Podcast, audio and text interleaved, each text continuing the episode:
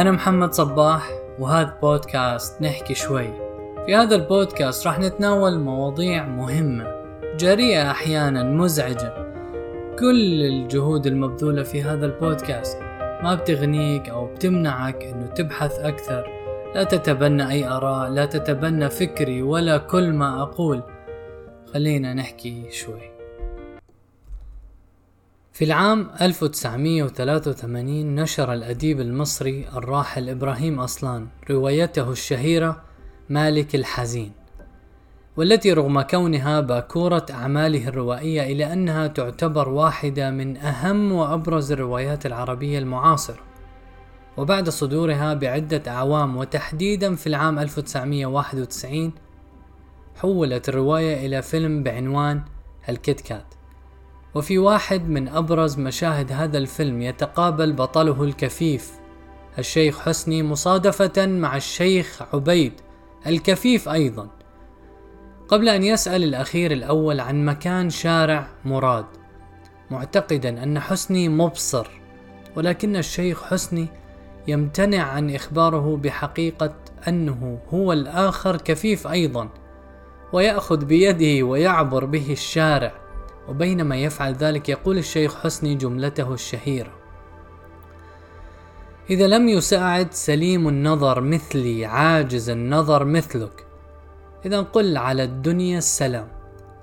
ثم يمعن حسني في خداع الشيخ عبيد وإيهامه بأنه مبصر. حين يحذره قائلا انتبه يا أخي أمامك عمود كهرباء. وطبعا لم تكن هناك أي أعمدة إنارة. وهكذا استرشد الكفيف بكفيف مثله. هذا المشهد العبقري ربما هو أفضل وصف لطبيعة العلاقة بين جمهور المستثمرين في سوق الأسهم من جهة وبين المحللين وبيوت الخبرة وكل من يحاول التنبؤ بالمستقبل وتوقع اتجاه السوق من جهة أخرى. كتب الفيلسوف الصيني لاوتزا في القرن السادس قبل الميلاد إن أولئك الذين يمتلكون المعرفة لا يتنبؤون وأولئك الذين يتنبؤون لا يملكون المعرفة.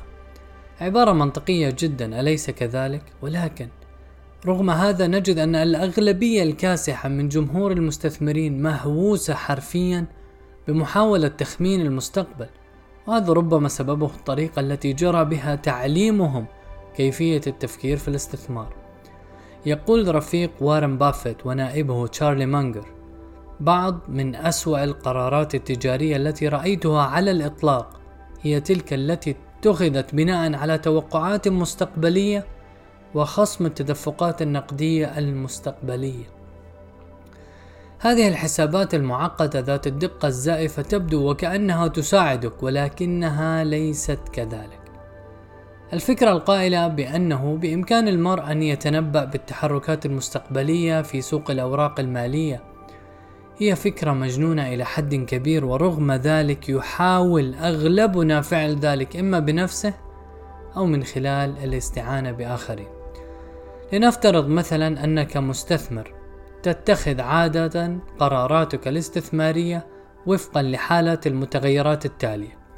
في البداية تحاول توقع حالة الاقتصاد بشكل عام ثم مسار أسعار الفائدة ثم تحاول التنبؤ بالقطاعات التي ستحقق أداء جيدا في هذه البيئة وأخيرا تحاول توقع الأسهم التي ستحقق أداء جيدا داخل هذا القطاع.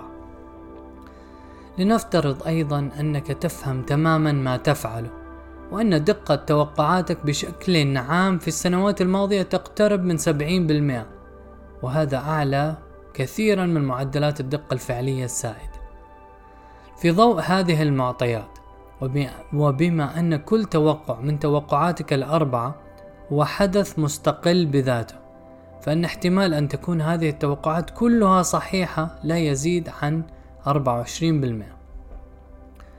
حتى لو كنت محظوظا وتبين لاحقا أن توقعاتك الأربعة صحيحة فإن كسبك للمال لا يزال مرهونا برد فعل باقي السوق.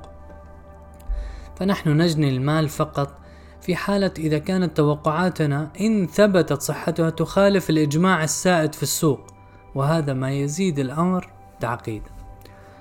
هذا بالنسبة لأربعة متغيرات فقط فما بالك بالنماذج المالية التي يعدها المحللون ويحاولون من خلالها التنبؤ بمستقبل الشركة والتي نجد أن أغلب مدخلاتها عبارة عن تنبؤات مستقبلية لأشياء مثل مبيعات، تكاليف، أسعار الفائدة، هامش الربح، معدل الضرائب وما إلى ذلك أي أن أي خطأ بسيط في أي من هذه التنبؤات كفيل بأن ينسف النموذج وبالتالي تصبح استنتاجاته أقل قيمة من الورق الذي كتبت عليه. حين نقول إن توقعات المحللين وما تسمى بالأسعار المستهدفة للأسهم الصادرة عن بيوت الخبرة لا قيمة لها، فهذا ليس رأيا وإنما حقيقة إحصائية بسيطة فكافة الدراسات تقريبا التي تم إجراؤها حول هذا الشأن تظهر أن مهارة المحللين الماليين في توقع الأداء المستقبلي للأسهم ليست أفضل من مهارات شخص يرمي العملة المعدنية في الهواء. يقول جيمس أوشاغنسي مؤلف كتاب ما يعمل في وول ستريت. ورئيس شركة أوشغانسي لإدارة الأصول إن توقعات المحللين لا قيمة لها. إذا نظرنا إلى التحركات التاريخية الكبيرة التي شهدها السوق فسوف يكون من الصعب على مصدر موثوق به التنبؤ بأحداث رئيسية. في كتابه الصادر في عام 2010 تحت عنوان الكتاب الصغير في الاستثمار السلوكي يشير جيمس مونتيه إلى أن توقعات المحللين للشكل الذي ستكون عليه أرباح الشركات بعد عامين عادة ما تكون خاطئة في 94% من الحالات حتى في الآفاق الزمنية الأقل كال 12 شهرا القادمة مثلا نجد أنهم مخطئون في 45% من الحالات تقريبا. وعند النظر إلى توقعاتهم لمعدلات النمو في نطاق خمس سنوات قادمة بالمقارنة مع النتائج الفعلية فإن الواقع المحبط يؤكد نفسه بعبارة أخرى. ليس لدى المحللين أدنى فكرة عن الأرباح المستقبلية أو معدلات النمو في المدى البعيد لكن توقعاتهم الفاشلة للأرباح المستقبلية قصة وتنبؤاتهم بشأن الأسعار المستهدفة قصة أخرى. المستثمر البريطاني الشهير بنيامين جراهام قال ذات مرة: إن التنبؤ بأسعار الأوراق المالية ليس جزءا من التحليل المالي ولكن هذا لا يمنع الكثير من المحللين بالخروج علينا بتخمينات بشأن الأسعار المستقبلية للأسهم تكون عادة أعلى من الأسعار الحالية على سبيل المثال.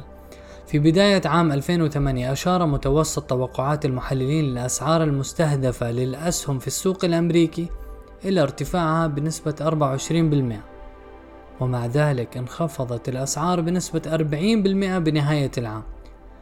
الخطير هو أنه حتى تلك التوقعات التي تتضح صحتها لاحقا لا تثبت في الحقيقة أي شيء. لأنها عشوائية بشكل كبير والدليل هو أنه من المستحيل تقريبا أن نجد أي محلل أو شركة تمتلك سجلا مستداما من التوقعات الصحيحة. الأمر أشبه بأن أعطيك بندقية ومائة طلقة وأطلب منك التصويب على هدف معين. حتى لو لم تعرف شيئا عن قواعد التصويب ستنجح في إصابة الهدف مرة أو عدة مرات من المئة حين يتعلق الأمر بالأسعار المستهدفة فإن مشكلة المحللين هي أنهم يحبون كل شيء تقريبا. بعضنا ربما حظي بفرصة الاطلاع على التقارير الصادرة من بيوت الخبرة حول الأسعار المستهدفة للأسهم والسؤال الآن لهؤلاء. ما النسبة التي تشكلها التوصية بالبيع بين إجمالي التوصيات الواردة بهذه التقارير؟ أغلبهم يوصي مثلا بشراء 60% من الأسهم التي يغطونها والاستمرار في الاحتفاظ ب 30% منها و10% المتبقية إما محايد أو بيع. هذا معناه أن هذا التقرير إذا كان يغطي 100 سهم مثلا فإن تسعة من كل عشر أسهم سيرتفع سعره وتحقق أرباحا لحامليها. هل هذا واقعي؟ أنت أدرى. الفكرة باختصار هي أنه من غير المنطقي أن تستند قراراتنا الاستثمارية على قدرتنا وقدرة المحللين المشكوك فيها على توقع المستقبل. ربما سنرتاح وسنكون أفضل حالا إذا اقتدينا بجون مينر كينز حين سئل عن المستقبل فقال نحن ببساطة لا نعرف وإذا كانت توقعات المحللين للأداء المستقبلي للأسهم فاشلة وثبت خطأها آلاف المرات فلماذا تستمر شركات البحوث وبيوت الخبرة في إصدار مثل هذه التوقعات؟ ببساطة هذه التوقعات هي معروض خلقه الطلب بعبارة أخرى. إذا كانت الأغلبية الكاسحة من المستثمرين مهتمة بهذا النوع من المعلومات التي لا معنى لها في الحقيقة فبالتأكيد سيقوم شخص ما بتقديمها لهم. والطريف هو أن الحجة الشهيرة التي يستخدمها المحللون في الدفاع عن أنفسهم حينما تتم مواجهتهم بعدم جدوى هذه التوقعات هي أن هذا ما يريده العملاء وللأسف هذا صحيح. في دراسة نشرتها مجلة علم النفس والأسواق المالية في عام 2002 تحت عنوان تقديرات الخبراء المحللون الماليين في مواجهة المتنبئين بالطقس. قام عالمان نفس البولنديان تاديوس تيزكا وبيوتر زيلونغا بدراسة الأعذار التي يقدمها كل من المحللين الماليين والمتنبئين في متابعة حالة الطقس حين تخيب توقعاته. أوضحت الدراسة أن المتنبئين بالطقس كانوا متصالحين مع أنفسهم أنفسهم وصادقين أثناء شرحهم لأخطائهم فقد كان العذر الأكثر تكرارا من جانبهم وأن فشلهم هو نتاج قلة خبرتهم الشخصية. تبع ذلك اعترافهم بأنهم كانوا يحاولون التنبؤ بما لا يمكن التنبؤ به. على الجانب الآخر قدم المحللون الماليين مجموعة غريبة من الأعذار حين تمت مواجهتهم بتوقعاتهم الفاشلة فعلى سبيل المثال كان العذر الذي قدمه معظمهم تقريبا وأنهم لا ينبغي أن يتم الحكم عليهم بناء على توقع فاشل واحد في حين كان ثاني أكثر الأعذار تكرارا وأن شيئا ما حدث لم يكن في الحسبان وهذا الشيء لم يشمله نموذجهم ما العمل إذن؟ إذا لم يكن من الحكمة أن نستثمر بناء على التوقعات والتنبؤات فكيف يجب أن نستثمر؟